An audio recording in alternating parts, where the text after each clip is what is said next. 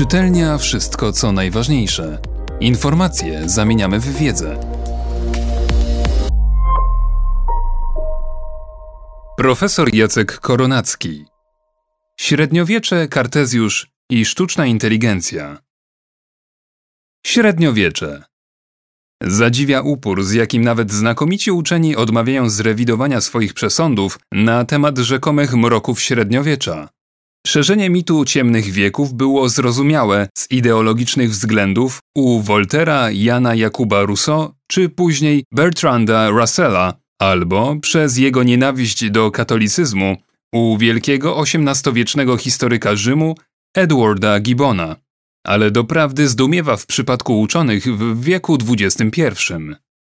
Autorowi tezy o tym rzekomo jednym z najsmutniejszych okresów rozwoju naszej europejskiej cywilizacji, wysłowionej w jednym z ostatnich numerów Wszystkiego co najważniejsze, polecam zwłaszcza A Source Book in Medieval Science, Harvard University Press 1974. W wydanym pod redakcją Edwarda Granta zbiorze około 190 artykułów ponad 80 średniowiecznych uczonych, m.in. Roberta Grossesta, Jana Sacrobosco, świętego Alberta Wielkiego, Leonarda Spizy, Fibonacciego, Rogera Bacona, Thomasa Bradwoodina, Johna Buridon, Mikołaja z Orem, Alberta Saksończyka. To oni należeli do największych akademickich nauczycieli średniowiecznych studentów. Uczyli empiryzmu, byli nie tylko na swoje czasy badaczami wybitnymi. Najwcześniejsi z tu wymienionych odrzucili Arystotelesa teorię tęczy, uznając, że ta jest wynikiem załamania światła. Grossest, opierając się na Ptolemeuszu, zrozumieli, że Ziemia i inne ciała niebieskie mają kulisty kształt. Jan z Sacrobosco.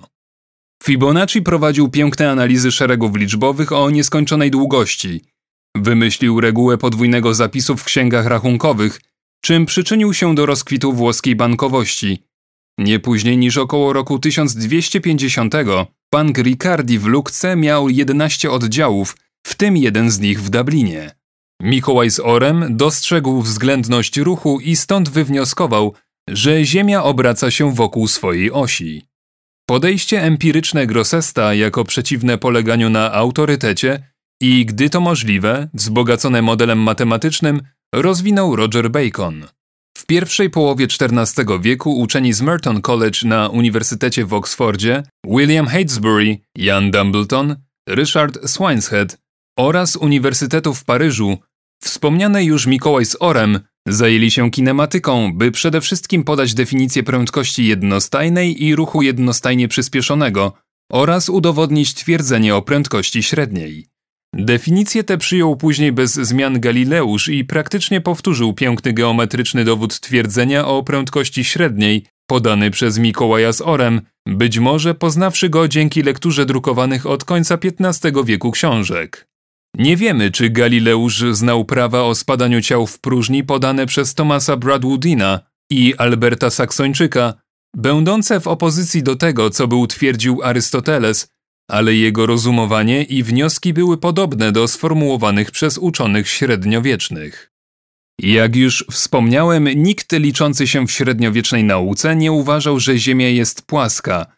Przeciwnicy sfinansowania podróży Kolumba nie dlatego się jej sprzeciwiali, że okulistości Ziemi nie wiedzieli, lecz dlatego, że lepiej niż Kolumb oceniali długość promienia kuli ziemskiej i przeto sądzili, iż zadanie jest niewykonalne.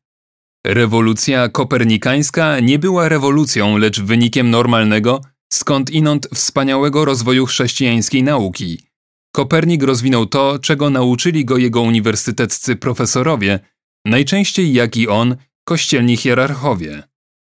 Trudny do przecenienia jest fakt, że scholastycyzm, w jaskrawym przeciwieństwie do czasów przedchrześcijańskich, cenił empiryzm – Kłamstwem było na przykład twierdzenie, że za badania anatomiczne, dokonywanie sekcji coraz zresztą powszechniejsze od końca XIII wieku i dopuszczane choćby dlatego, że w ciele zmarłego nie zamieszkuje już jego dusza, groziło kościelne prześladowanie. Rozwój średniowiecznej nauki był możliwy dzięki wspaniałemu i niezwykle dynamicznemu rozkwitowi uniwersytetów, rozpoczętemu na przełomie XII i XIII wieku Wcześniej powstały tylko uniwersytety w Paryżu i Bolonii. Wczesne uniwersytety średniowieczne przejęły ramy programowe nauczania od tzw. Tak encyklopedystów łacińskich, którzy w wiekach od IV do VIII pracowali nad kompilacjami greckich dzieł oraz podręczników ze starożytności i pierwszych wieków po Chrystusie, by w ten sposób dać podwaliny pod nauczanie w szkołach katedralnych. W ramach tych mieściło się siedem sztuk wyzwolonych. Na wcześniejszych latach studiów nauczanie trivium i potem quadrivium. Te same ramy programowe absolutnie nie oznaczały podobieństwa samych programów dawnych szkół katedralnych i późniejszych uniwersytetów. Po drodze przyszło zasymilowanie ogromu wiedzy zawartej w tłumaczeniach z greckiego i arabskiego, filozofów przyrody i w tym fizyków. Z czasem na wydziałach sztuk wyzwolonych z trivium pozostała tylko logika, zwykle niektóre tylko przedmioty quadrivium, za to dodane zostały trzy filozofie – czyli filozofia Arystotelesa, przede wszystkim przyrody, nadto zaś moralna i metafizyczna. Czy był to rozwój rzeczywiście wspaniały, czy też były to nieliczne i niewidoczne na europejskim firmamencie oazy wiedzy? Otóż szacuje się, że uniwersytety w Paryżu, Bolonii, Oksfordzie i Toulouse miały na początku XIII wieku po 1000 do 1500 studentów, że w samym Paryżu przyjmowano rokrocznie około 500 studentów, i że w latach 1350-1500 przewinęło się przez europejskie uniwersytety około 700 tysięcy studentów. Były to instytucje żywej dyskusji naukowej, skupiające naukową elitę owych czasów, elitę przy tym ruchliwą, przemieszczającą się z uczelni na uczelnię, korespondującą między sobą, tworzącą coś na kształt naukowej sieci. Uniwersytety były chlubą dla miast, które je posiadały a studenci i profesura cieszyli się specjalnymi przywilejami. I to wszystko było możliwe w europejskim, katolickim ciemnogrodzie. Nie trzeba było też czekać na renesans z przywróceniem Europie myśli klasycznej. Jak dobrze wiadomo, przywróciły ją tejże scholastyczne uniwersytety. Wreszcie to scholastyczne uniwersytety rozpoczęły rozwój nauk przyrodniczych. Nie dzięki oparciu się na klasyce, lecz dzięki jej odrzuceniu i docenieniu badań empirycznych. Tak jak kościelni dostojnicy rozwijali naukę, tak od początku IX wieku klasztory można było uznać za poważne i profesjonalnie zarządzane, wczesnokapitalistyczne przedsiębiorstwa. Wokół czy obok klasztorów powstawały miasta. Nie sposób w paru słowach streścić ten proces, w tym niezwykły postęp technologiczny, ale niech wystarczy parę uwag o jego fundamentach. Święty Augustyn z Hippony widział w handlu normalną i potrzebną działalność człowieka i zdawał sobie sprawę, że sprawiedliwa cena to ta, za którą sprzedający zgadza się swój towar sprzedać, a nabywca chce go kupić. Wierzył także w postęp wiedzy i technologii, jeśli tylko stworzy się po temu odpowiednie warunki. A podstawą tego postępu było to, że świat został stworzony przez racjonalnego Boga, który miłuje człowieka i który dał człowiekowi ziemię w mądre władanie. Jak to w roku 1925 ujął Alfred North Whitehead, wiara w samą możliwość nauki była pochodną średniowiecznej teologii. I wspartej teologicznie, czy jakkolwiek inaczej, pochwały postępu nie dopracowała się żadna inna cywilizacja. Około stu lat po Augustynie święty Benedykt z Nursi przydał ludzkiej pracy atrybut godności i to benedyktyni dali impuls do rozwoju przyklasztornej gospodarki. Pod koniec IX wieku pojawiła się ekonomia pieniądza w miejsce barteru i to najprawdopodobniej braciszkowie z Lukki byli pionierami tego procesu. Niedługo potem zakony i biskupi stali się bankierami, pożyczając pieniądze na procent szlachcie. Trójpolówka została wynaleziona w VIII wieku. W IX wieku odnotowano, że w okolicach Paryża jedna trzecia posiadłości miała wzdłuż sekwany młyny wodne. Przeprowadzony na zlecenie Wilhelma zdobywcy cenzus wykazał, że w Anglii działały w roku 1086 przynajmniej 5624 młyny wodne. Na początku XII wieku można było wykupywać udziały w młynach wodnych wzdłuż Garony. Podczas gdy duże połacie ziem na terenie dzisiejszej Belgii i Holandii pozostawały pod wodą, w tak zwanych wiekach ciemnych średniowiecza stały się polami uprawnymi dzięki pompom wiatrowym. W XIII wieku został w Europie wynaleziony zegar mechaniczny. W tym samym wieku został z Flandrii do Anglii przeniesiony i rozkwitł przemysł wełniany i wkrótce potem rozkwitł tam przemysł bawełniany, wszystko to dzięki mechanizacji procesu produkcyjnego. Także w XIII wieku, dzięki mechanizacji, Anglicy rozwinęli przemysł wydobywczy węgla.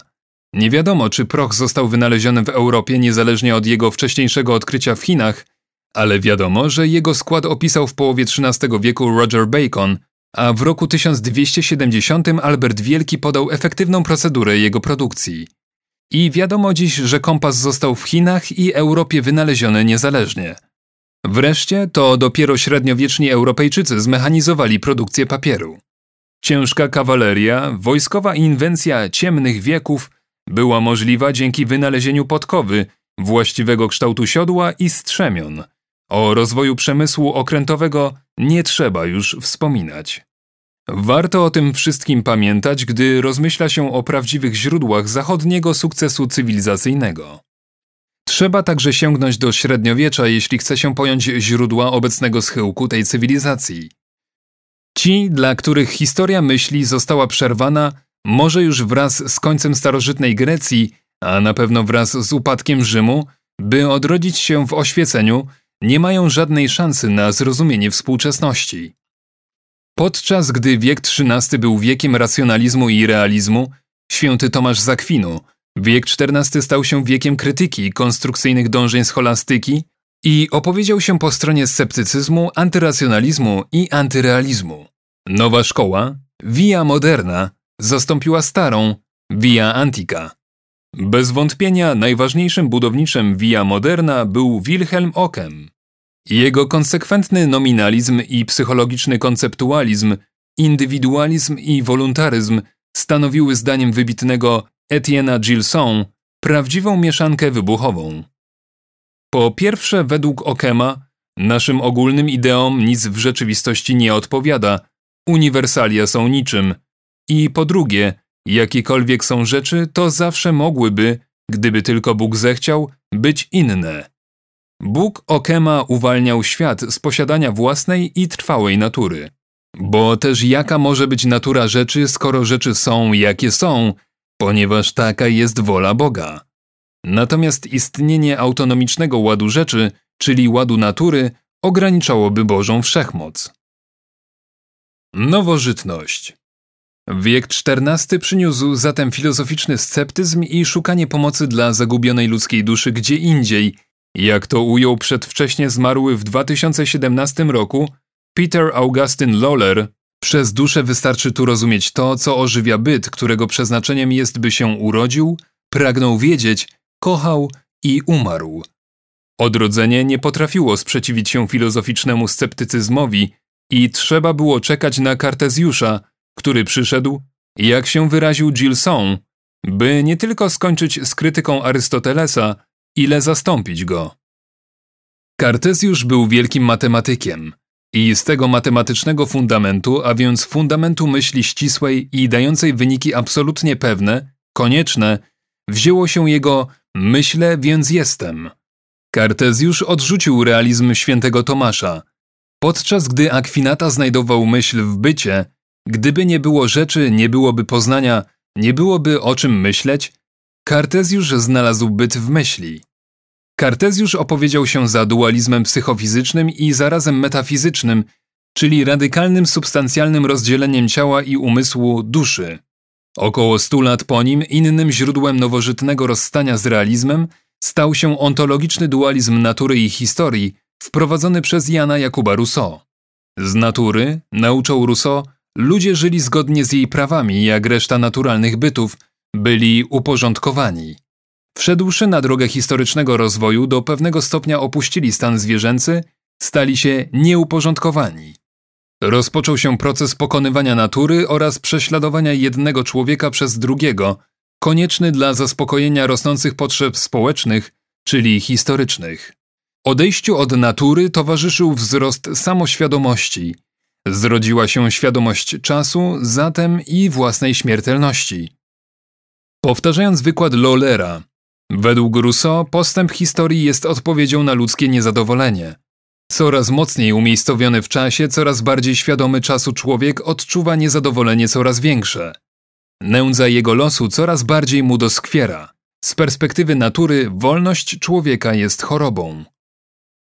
Immanuela Kanta obrona wolności człowieka i metafizyki, która była swego rodzaju odpowiedzią na myśl Rousseau, nie mogła się powieść.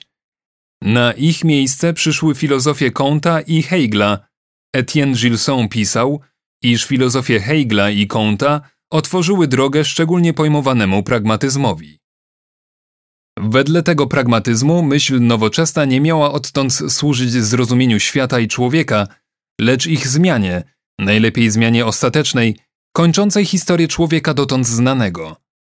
Nad pokonaniem owej rzekomo złej historii człowieka, przecież pełnej nędzy i cierpienia, ludzkiego poczucia niezadomowienia w otaczającym go i wrogim mu świecie przyrody, rozpoczęli pracę na przykład tacy hegliści jak Feuerbach, Marx i Engels. W wieku XX ważnym filozofem końca historii i heglistą był tyleż wybitny, co kontrowersyjny Aleksandr Korzew, a pragmatystą Richard Rorty. Ten drugi w ramach jego myśli zgoła rozsądnie nauczał, iż ludzie powinni uznawać za prawdziwe to tylko, co uznają za pomocne w spełnieniu ich pragnień. Do tego samego nurtu myśli kończącej historię można zaliczyć poststrukturalistów w rodzaju Gilles Deleuza, u którego rodzina jest pierwszym i największym wrogiem wolności człowieka. Filozofowie końca historii są za powrotem człowieka do stanu inteligentnego zwierzęcia. I oto nowoczesna, autonomiczna jednostka zanurzona w swojej autonomii i niezdolna do życia we wspólnocie wiążącej pokolenia, niepogodzona ze swoją śmiertelnością, dokłada wszelkich starań, by żyć coraz dłużej i coraz dłużej pozostawać w dobrym zdrowiu oraz pełnej sprawności. Oddaje się konsumpcji i chwilowym przyjemnościom. Odmawia przynależności do jakiejś wspólnoty, w tym narodowej, nie jest zainteresowana trwaniem własnej cywilizacji. Coraz częściej korzysta z pomocy psychologicznej czy psychiatrycznej, szpikuje się środkami psychotropowymi i niezadomowiona w tym, w czym żaden człowiek z krwi i kości nie może się zadomowić, ucieka się do buntu. Jakby przestraszona posiadaniem ludzkiej natury, opowiada się za nieograniczoną wolnością jej negowania. Ogłasza, że wszystko, co dotyczy człowieka, jest sprawą ludzkiego lub społecznego wyboru.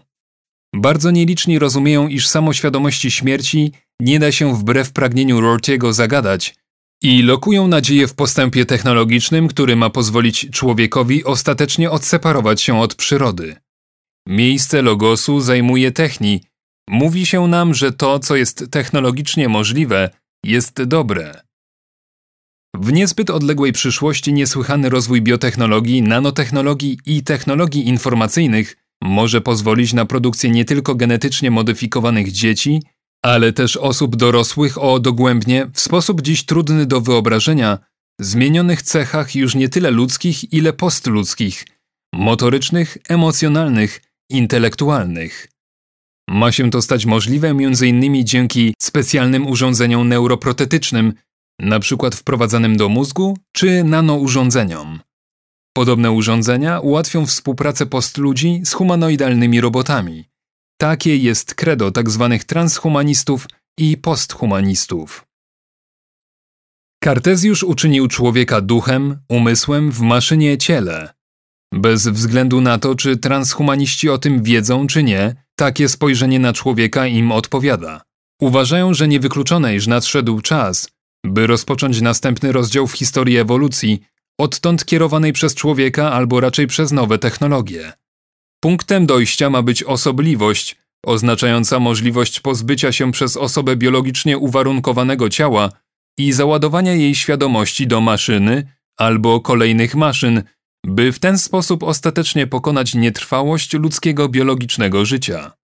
Transhumaniści wierzą również w skonstruowanie superinteligencji, nieporównanie większej niż inteligencja współczesnych ludzi, Wierzą w to zwłaszcza posthumaniści, dla których zbudowanie post człowieka o ponadludzkiej superinteligencji jest przez nich oczekiwaną osobliwością. Ma to wszystko być osiągnięte dzięki rozwojowi sztucznej inteligencji. Sztuczna inteligencja i ludzka dusza. Źródłem wymienionych nadziei jest uznanie, iż ja nie jest niczym innym jak pewną ilością odpowiednio zorganizowanej informacji, zdolnej do samomodyfikacji oraz modyfikacji pod wpływem bodźców zewnętrznych. Na taki ja można spojrzeć jak na powieść, jakkolwiek modyfikowalną, taką samą bez względu na to, czy jest zapisana na stronach papierowej książki, ma postać książki elektronicznej, czy też jest zapisana w pamięci komputera. Gdy zatem nauka odpowie nam na pytanie o te informacje i sposób jej zorganizowania, będziemy osiągniętą wiedzę mogli załadować do stosownie skonstruowanego superkomputera i tak otrzymać post człowieka, albo też przenieść świadomość człowieka do owego superkomputera. Odpowiedź ma według transhumanistów przynieść zbudowanie modelu mózgu atom po atomie, neuron po neuronie, dającego się załadować do komputera. Nie ma jednej powszechnie przyjętej definicji sztucznej inteligencji, ale na pewno pomocne jest takie jej operacyjne określenie, zaproponowane przez jednego z pionierów tej dyscypliny, Nilsa J. Nilsona. Sztuczna inteligencja jest efektem ludzkiego działania zmierzającego do uczynienia maszyn inteligentnymi, zaś inteligencja jest tą jakością, która pozwala danemu bytowi działać właściwie i przewidująco w jego otoczeniu. Takie operacyjne i ogólne opisanie samej inteligencji pasuje tak samo dobrze do inteligentnej maszyny, jak i do człowieka. Maszynę stwarza człowiek. Chcąc ją uczynić inteligentną, człowiek wyposaża maszynę w pamięć, w której zapisana zostaje informacja z przeszłości, na przykład wszystkie dotąd spisane dzieła oraz tysiące rozegranych w przeszłości gier w szachy, czy w pochodzącą z Chin Go. Oraz w czasie bieżącym zapisywane są kolejne informacje docierające z otoczenia do maszyny.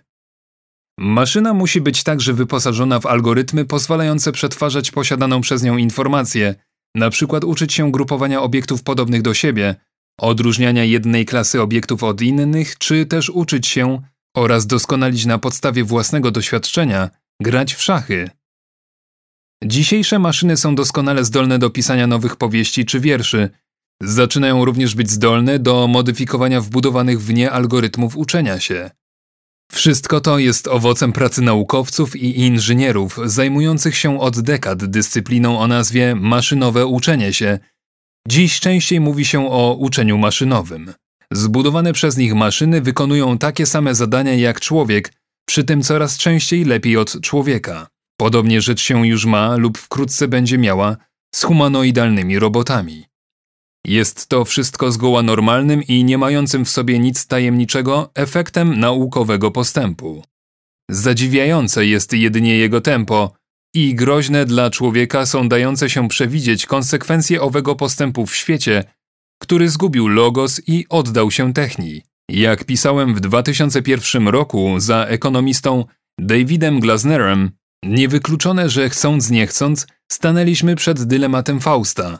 Niemożliwe jest zmniejszenie tempa postępu technicznego i wzrostu ekonomicznego, do jakich przywykliśmy bez poniesienia wyrzeczeń większych niż te, które jesteśmy w stanie udźwignąć. Porównaj rozdział 10 w zbiorze moich mini-esejów pod tytułem Amerykański konserwatyzm na progu XXI wieku.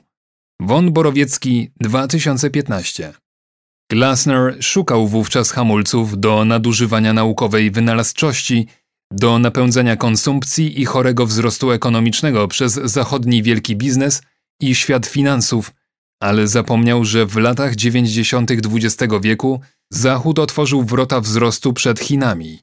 Nałożenie dziś jakichś pęd na niekontrolowany przez człowieka postęp techniczny nie jest możliwe, ale co zrobić z problemem nadużywania techniki przez człowieka, to temat odrębny.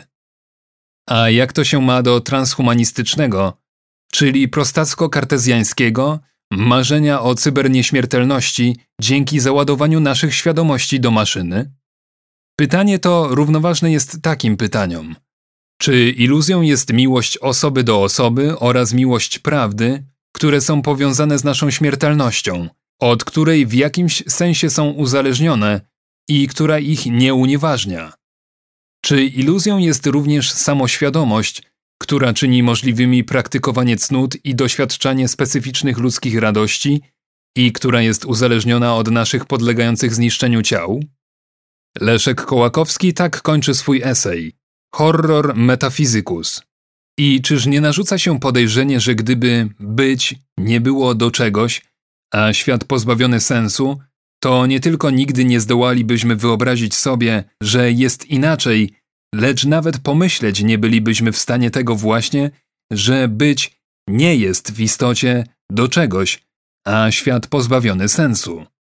Filozofowie umysłu nie potrafią przekonująco umieścić go w naturalistyczno-materialistycznych ramach i decydują się pewne fundamentalne pytania pomijać albo uznawać wybrane przez nich odpowiedzi za obowiązujące a priori. Materialistycznie zorientowani ideologowie nawet nie wiedzą, kiedy wplatają w swoje wywody różne antropomorfizacje. Odważniejsi filozofowie jak ateista Thomas Nagel albo Roger Scruton przekonująco i precyzyjnie uzasadniają, iż to, co mentalne i to, co fizyczne, istnieje obiektywnie, ale jedno jest doskonale nieredukowalne do drugiego. Są to rzeczywistości różne z tym, co mentalne, nie dającym się opisać przez współczesne nauki szczegółowe. Porównaj zwłaszcza Nigela. Mind and Cosmos Why the materialist neo-Darwinian conception of nature is almost certainly false. Oxford University Press 2012. Ale jeśli tak, to marzenia transhumanistów są rojeniami i możemy za Peterem Augustynem Lollerem powtórzyć, że ludzka dusza, a zatem owa niematerialna zasada fundująca nasze motywacje i aspiracje, które odróżniają nas od otaczającego świata przyrody, przemienia i rozświetla wszystkie nasze myśli i działania, również te choćby i piękne, które daremnie usiłują wyzwolić nas z natury i Boga. Nie da się tej niematerialnej zasady załadować do maszyny. Kardynał Ratzinger tak pisał krótko przed wyborem na papieża. Oświecenie wywodzi się z chrześcijaństwa i zrodziło się nieprzypadkowo i wyłącznie w ramach wiary chrześcijańskiej. Zasługą oświecenia było i jest to, że ponownie oddało właściwy głos intelektowi. Ale doprowadzone do granic możliwości próby tworzenia rzeczy ludzkich przy zupełnym pominięciu Boga prowadzą coraz bliżej do krawędzi przepaści ku całkowitemu upadkowi człowieka. I dlatego za Pascalem kardynał Ratzinger radził swoim niewierzącym przyjaciołom, by żyli tak, jak gdyby Bóg istniał. Z czym zgodził się na przykład wybitny neomarksista, frankfurtczyk młodego pokolenia Jürgen Habermas. Czytelnia Wszystko co najważniejsze. Czytał Mateusz Mleczko.